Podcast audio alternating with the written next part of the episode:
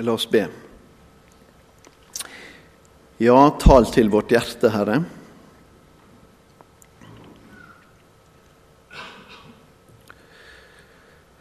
Ta min tunge, tem dens tale, gjør den til din sannhetstolk. At jeg levende kan male Jesus Kristus for mitt folk.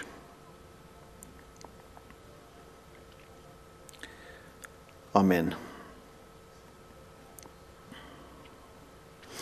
Vi skal, vi skal, tale over ehm, Vi skal se på dagens tekst i dag, eh, på det som heter Kristi åpenbaringsdag ehm, i kirkeåret. Ehm, men før vi leser den teksten fra Lukasevangeliets andre kapittel, så har jeg lyst til å lese to vers fra det som er denne søndagens gammeltestamentlige tekst. Og Så skal vi komme tilbake til dem senere, men de spiller godt inn i inn i teksten om Jesus som tolvåring i tempelet. Og Det vi skal lese først, da, det er fra Jesaja 49. Um, og Vi skal lese det femte og det sjette verset. og Dette er jo en av de såkalte sangene om Herrens tjener. Um, og um, Som jo topper seg med Jesaja 53, og som er så velkjent for oss. Men uh, Ganske velkjent inne i 49 også, og spesielt disse to versene her om Herrens tjener, Herrens ebed, som det heter på hebraisk, som også kan oversettes med slave. Og nå så sier Herren, som fra jeg var i mors liv har forma meg til sin tjener, for å føre Jakob tilbake til Han, så Israel kan samles hos Han. Jeg er æra i Herrens auge, min Gud er min styrke. Han sier, det er for lite at du er min tjener som skal reise opp at Jakobs stammer og føre tilbake de som er att av Israel. Jeg gjør deg til et lys for folkeslag, så mi frelse kan nå til enden av jorda. Og Så går vi til Eh, fortellingstekster i evangeliet, fra Lukasevangeliet og det andre kapitlet der. Og vi kan lese fra vers 40. Lukas 2, fra vers 40. Og gutten voks og blei sterk. Han blei fylt av visdom, og Guds nåde var over han. Hvert år for Jesu foreldre til Jerusalem i påskehøgtida, og da han var tolv år, drog de som vanlig dit opp til høgtida. Men da høgtidsdagene var til ende og de skulle fare heim, blei gutten Jesus værende igjen i Jerusalem, og foreldra hans la ikke merke til det. De tenkte han var med i følge, og for ei dagsreise fram før de tok til å leite etter han mellom slektninger og kjenninger. Siden de ikke fant han, for de tilbake til Jerusalem og lette etter han der. Men først etter tre dager fant de han i tempelet. Der satt han midt blant lærerne og lydde på dem og stilte spørsmål. Og alle som hørte på han, undra seg over hvor klok han var, og hvor godt han svara. Da foreldra fikk se han, ble de slått av undring, og mor han sa, Hvorfor har du gjort dette mot oss, barnet, vår, barnet mitt? Far din og jeg har leita etter deg og vært så redde. Men han svarer, Hvorfor leiter de etter meg? Visste de ikke at jeg måtte være i huset åt far min? Men de skjønner ikke hva han mente med dette. Så blei han med dei hjem til, Nasaret og var lydig mot dei. Men mor hans gjøymde alt dette i artet sitt. Og Jesus gikk fram i alder og visdom og var til glede for Gud og mennesket. Det er jo ikke så fryktelig vanskelig Jeg kan identifisere meg med henne. jeg må bare si Det Det er ikke så veldig vanskelig å forstå Maria og Josef. Eh, i 1992 så kjørte vi i vår familie fra Kent sør for London eh, og i retning eh, en by som heter Abrystwirth borti i, i Wales. Og på vei bort til Cardiff i Wales, enda mens vi var i Sør-England, så, så vi en, var det en sånn leisure park, altså sånn fornøyelsespark. Og så tenkte jeg ok, vi hadde unger på åtte og ti år, la oss gå inn der og la dem få, få lov å forlyste seg litt på denne verdens herligheter. Uh, så vi, vi, gikk inn i denne her leisure parken der. Og eh, Det var jo masse apparat og, og båter som svaia. og Det var ikke sånn skikkelig rollercoaster, men det var iallfall en god del apparat vi kunne bruke. Så er det bare det at plutselig oppdaga Bente og jeg sånn i fellesskap Hvor er Anna Marie? Ti år. Og det var mye folk. Og vi kunne ikke finne igjen dattera vår. Og hun kunne ikke engelsk. Eh, og eh, vi lurte på hvor er hun henne eh, Og vi tenkte jo alle mulige tanker som er mulig å tenke. Iallfall tenkte Bente tenkte noen flere tanker enn meg. Flere muligheter enn meg, for å si det sånn.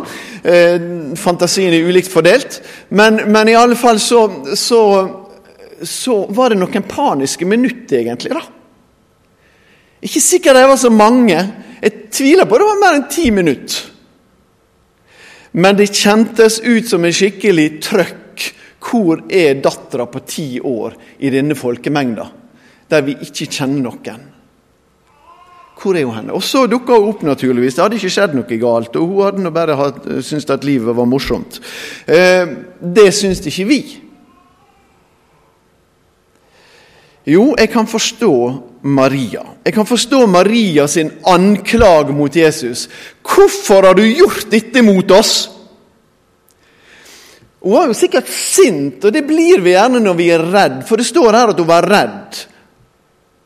Da blir vi ofte litt sånn oppskjørta, og, og, så kommer det ut en eller annen form for sinne. i oss. Jeg tenker meg åh, vi så ikke deg i dette store følget, og vi gikk nedover Judea og ørkenen. Og du veit jo hvor mye du vet jo hva som kan skje nedi der. Du skal jo fortelle en fortelling senere i livet om, om disse som blir overfalt nedi der. Du vet jo hva som kan skje, Jesus, i Judea ørken.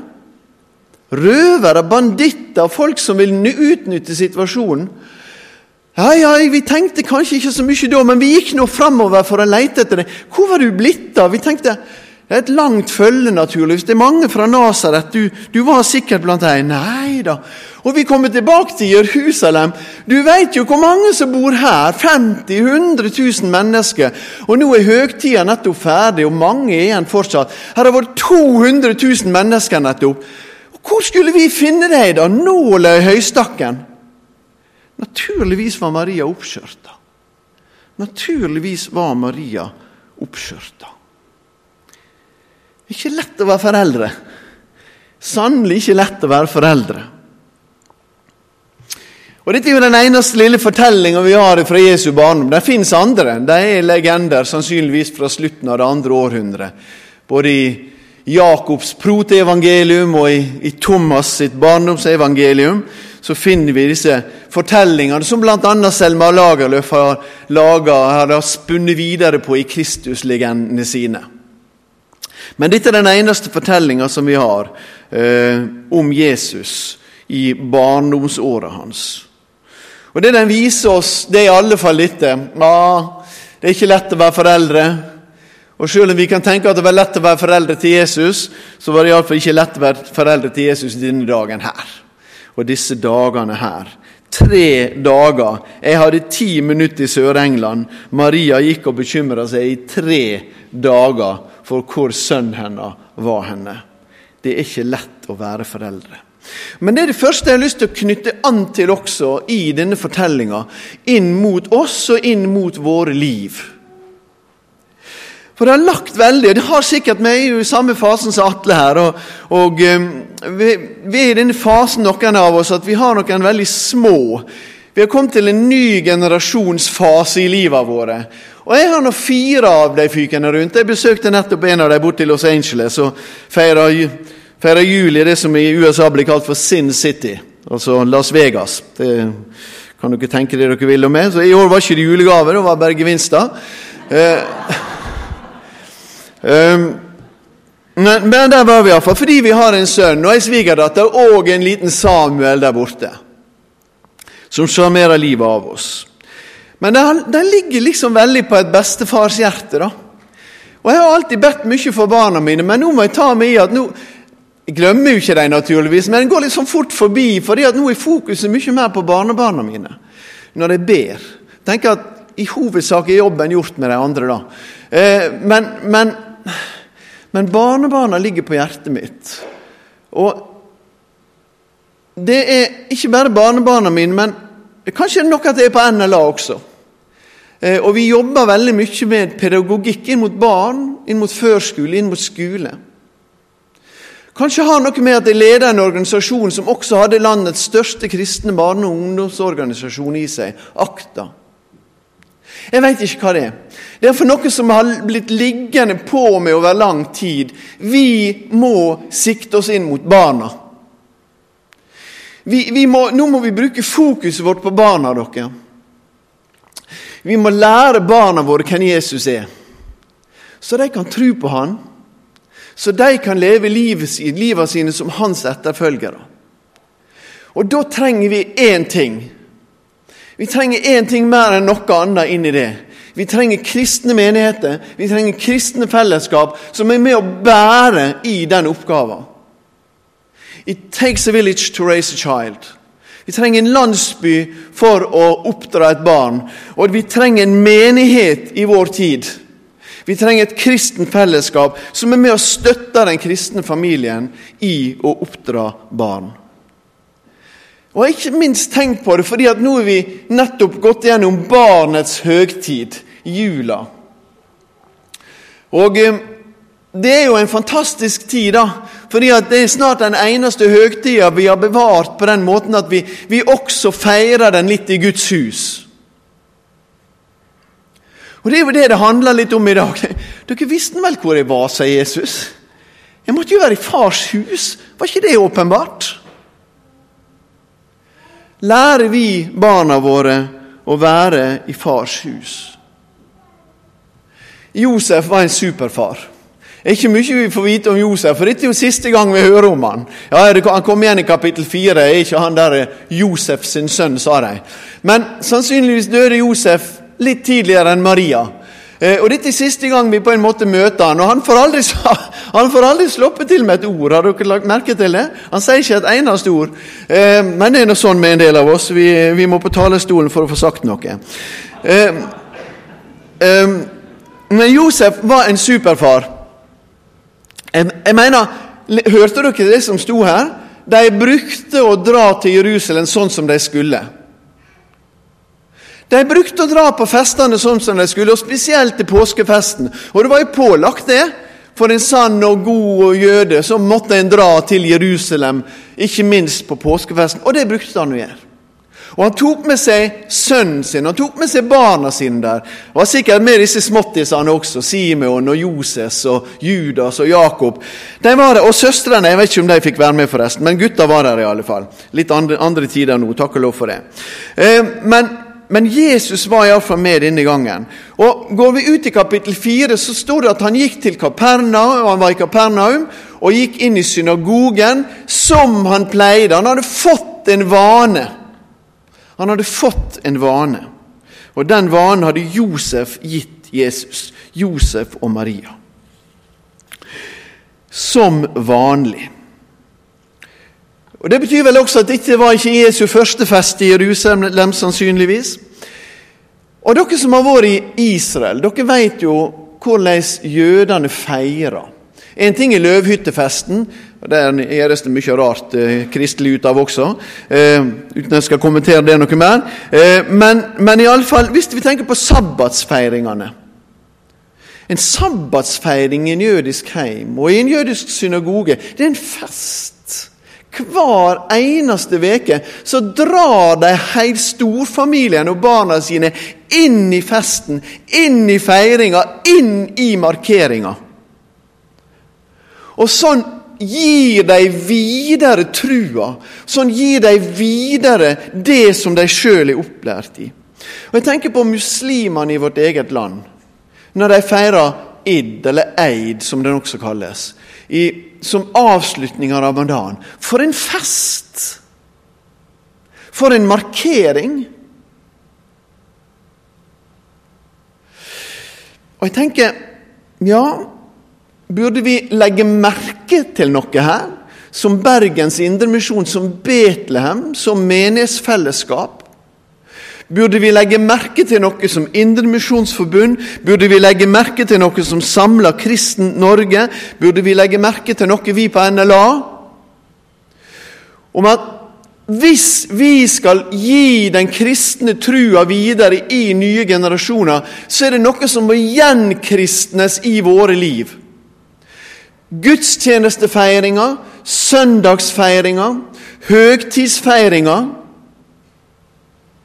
Nytter ikke å kjefte på de som er til stede, dere er velkommen, dere som er her. Men jeg har en sånn har en sånn sterk opplevelse av det i livet mitt at vi trenger på en måte å gjenkristne noe i livet våre, slik at det å være i Guds hus på søndag og i høgtid, det er ikke en option blant flere, det er ikke et valg blant flere, men det er det som står i almanakken, som utelukker alt annet. Og Hvis ikke det blir slik i den kristne sitt liv, så blir det ikke det slik i barna våre sitt liv. Og da har vi valgt veien til å avkristne landet vårt. Det er ikke Human-Etisk Forbund som kommer til å avkristne Norge. På ingen måte muslimene som kommer til å avkristne Norge. Det har ikke de noe ønske om engang. Men vi kommer til å avkristne Norge. Hvis ikke vi oppdager det som Josef lærte opp Jesus i. Gleden av å være i Guds hus Gleden av å ta del i feiringa. La det markere noe. Det at her hører vi til. Visste dere ikke at jeg måtte være i min fars hus? Hva vil du gi til dine barn? Hva vil du gi til barnebarna dine? Du kan ikke gi noe bedre enn å la barna dine lære seg å være i Guds hus. Av vane for nådens skyld, for å få nåde, for å lære hva nåden er, og til vekst. Og akkurat disse ordene står om Jesus. Det var av vane det skjedde. Han vokste, og han var en nåde, et nådens barn. Guds nåde var over ham. Og Det er akkurat det samme som kan skje med våre barn når vi lar dem vokse opp og være en del av det kristne fellesskapet. Det er det første jeg hadde lyst til å slå et slag for i det jeg skulle si i dag. Det andre, og det kunne vi kanskje kalle barn og festen. Det andre jeg har lyst til å snakke om, det er barnet og far. Og Nå er vi ganske snart over på Jesus. For det er jo Kristi åpenbaringsdag i dag, og det er på en måte Jesus det handler om primært. Og nettopp dette med far, det er jo Jesu eget favorittord da, for Gud. Og Jesus gir oss også dette farsordet som nøkkelen inn i bønna sin verden. Det var ganske ukjent sjøl for jødene. Vi vet jo at det er ukjent i islam. ikke sant? Far er en blasfemi å si for en muslim. Fordi at det bringer oss for nær. Det gjør oss for fortrulige med Gud. Ikke slik med Jesus. Jesus lærer oss at akkurat så fortrulig kan vi være med Gud at vi kan kalle han vår far.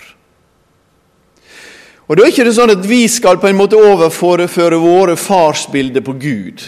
Men da er det slik at vi skal overføre Bibelens farsbilde av Gud på oss sjøl. Ikke minst vi som er fedre, så vi kan ta farge av Han. Og Her snakker ikke Jesus bare om Gud som far, men vi møter også flere ord for barn. På gresk er det mange ord for barn. Og Det skal jeg ikke lære dere her nå. Det er mange ord for barn på gresk. Og Her står det om Jesus i vers 40 her. Gutten vokser og blir sterkt. Der står det paidion. Det betyr et lite barn. Og Det er ikke så rart, fordi at bakgrunnen der er jo at han nettopp har vært i fengsel etter renselsestida. Og så vokste han opp som et lite barn. Eh, i nåde og i visdom og i fylde. Så kom vi ned i vers 48, og der sier mora 'barn'. Hvorfor har du gjort dette mot oss? Og Der står det 'teknon'. Og Det er et ord som blir brukt når foreldre som, som sier noe om forholdet mellom barn og foreldre. Jeg er barn av mine foreldre. Så det var ikke så rart hun sa det. Teknon, sa hun. Hvorfor har du gjort dette mot oss?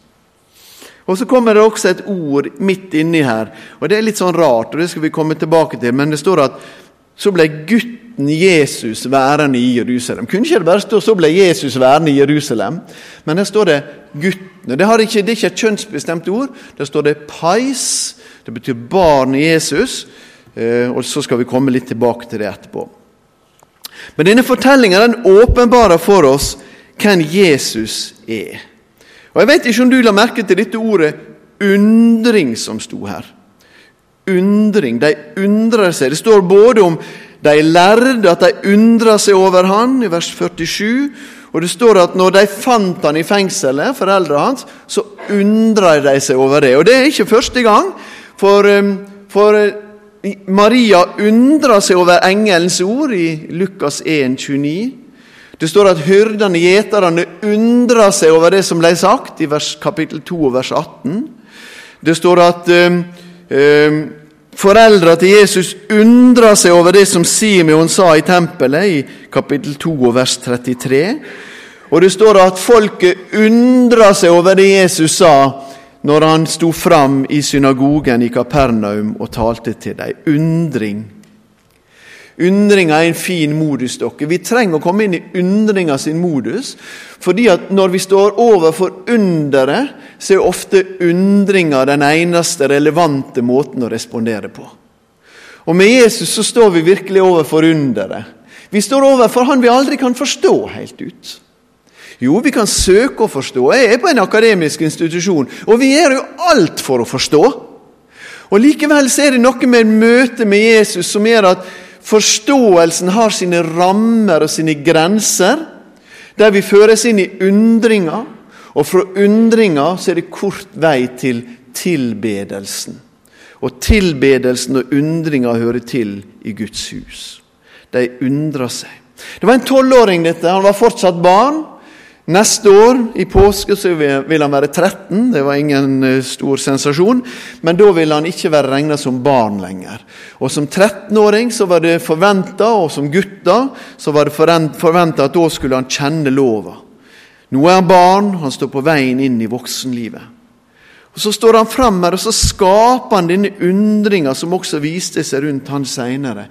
En undring som handler om dette spørsmålet som, som disiplene ute på sjøen han stiller stormen, så sier de 'Hvem er han egentlig?' Hvem er han egentlig? Og Det er inn i dette Maria sier dette ordet til han, barn. Hun sier egentlig ikke 'barnet mitt', sånn som det står her. Hun sier bare 'barn', for den barnet vårt, for den del. Uh, barn, du som er opp, du som, du som kom ifra oss, så å si.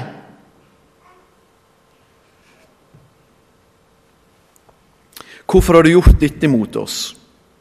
Så står det en sånn spenning mellom vers 48, denne, dette spørsmålet hvorfor har du gjort dette mot oss, barnet mitt?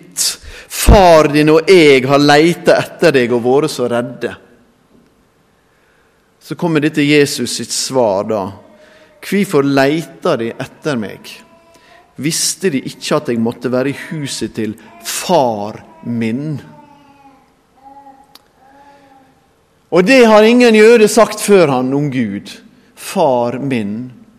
De kunne snakke om Abraham som far sin, og Isak og Jakob. Og De kunne snakke om Abraham og Isak og Jakob sin Gud, men de kunne ikke snakke om Gud som far min.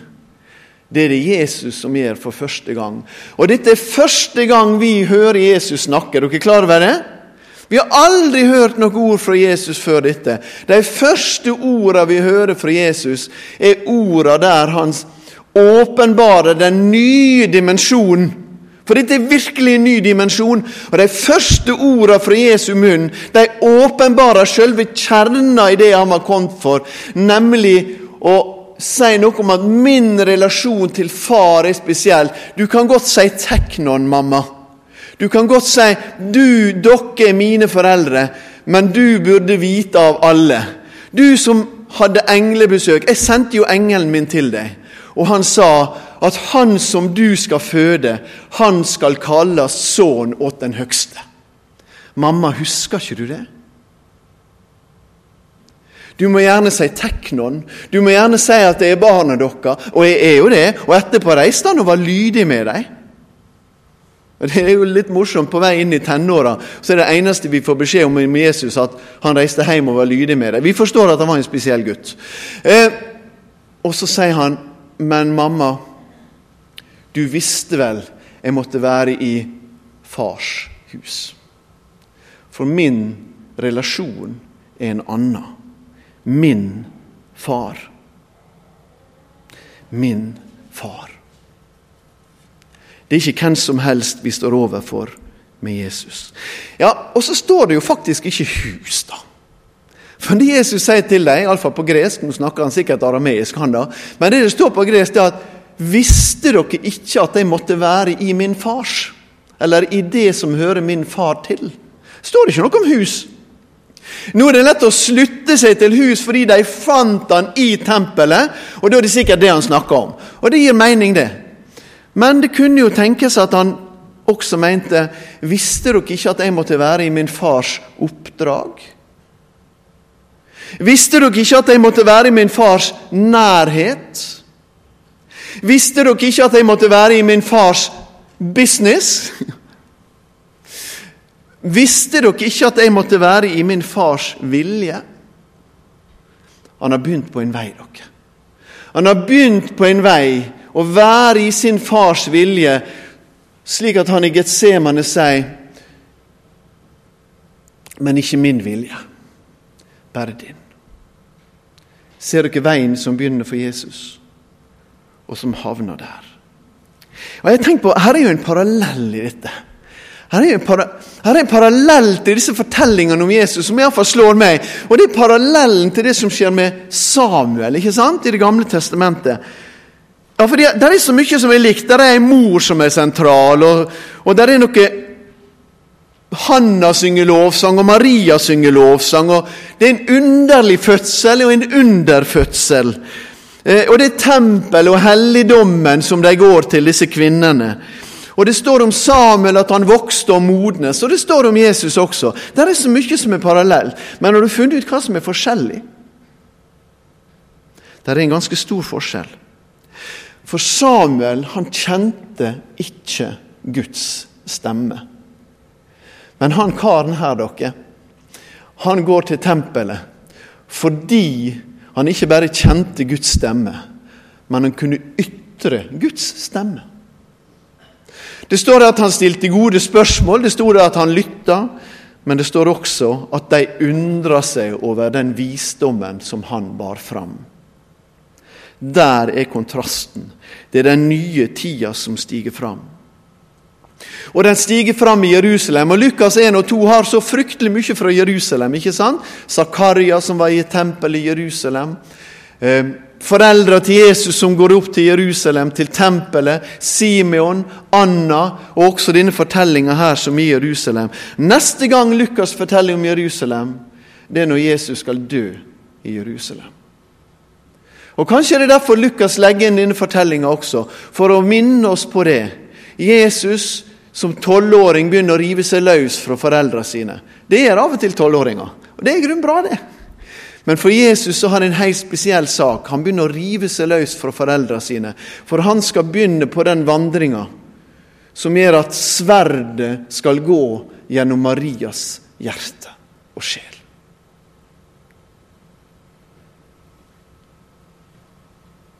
Han måtte være i sin fars vilje. Han kom for det. For deg og meg.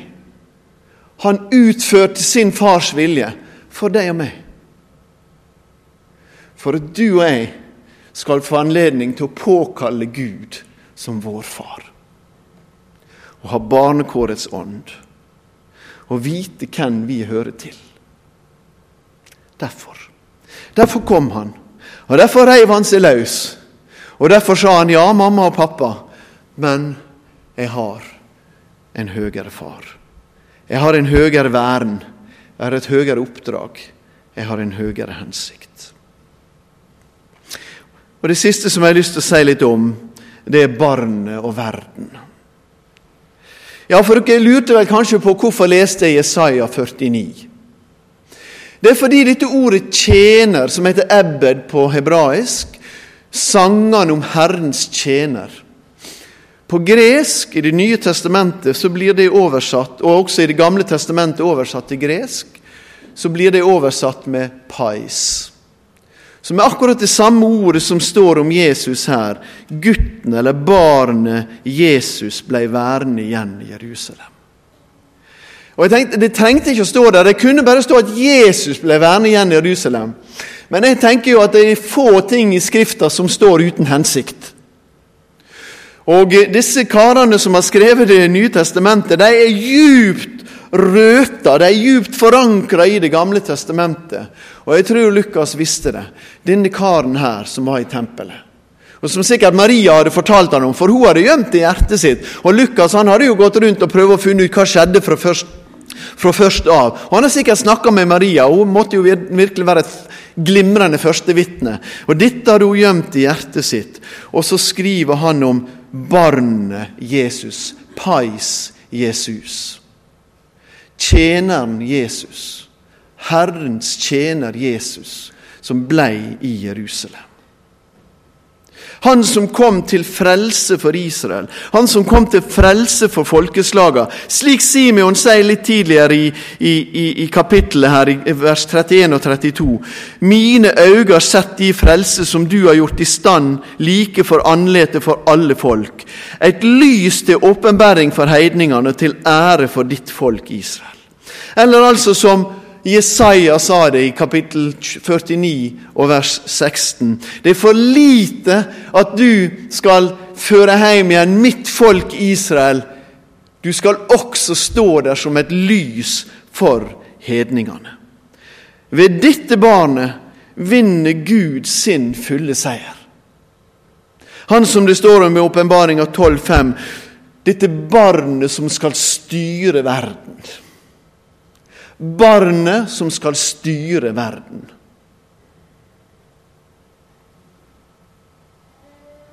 Han er det vi står overfor, dere. Han er det vi står overfor.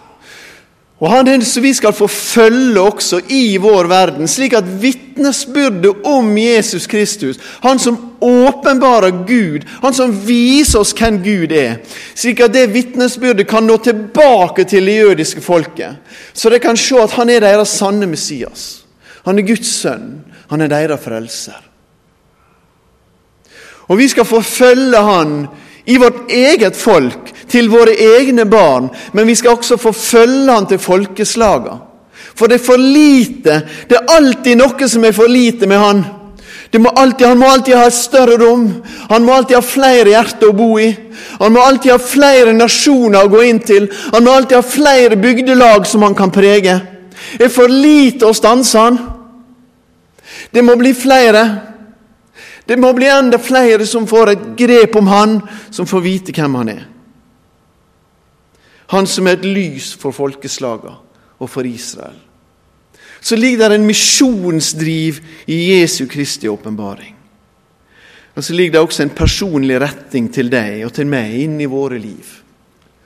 For det er ved Han han kom til sitt eget. Hans egne tok ikke imot han. Ikke i første omgang. Det var jødene. Ikke i første omgang. Det var noen som gjorde det. Og de ga han rett til å kalles Guds barn. Det gjelder ikke bare for jøder. Det gjelder i Bergen, det gjelder for oss. Han kom. Og alle de som tok imot han, de ga han rett til å kalles Guds barn. Alle de som tror på navnet hans. Amen.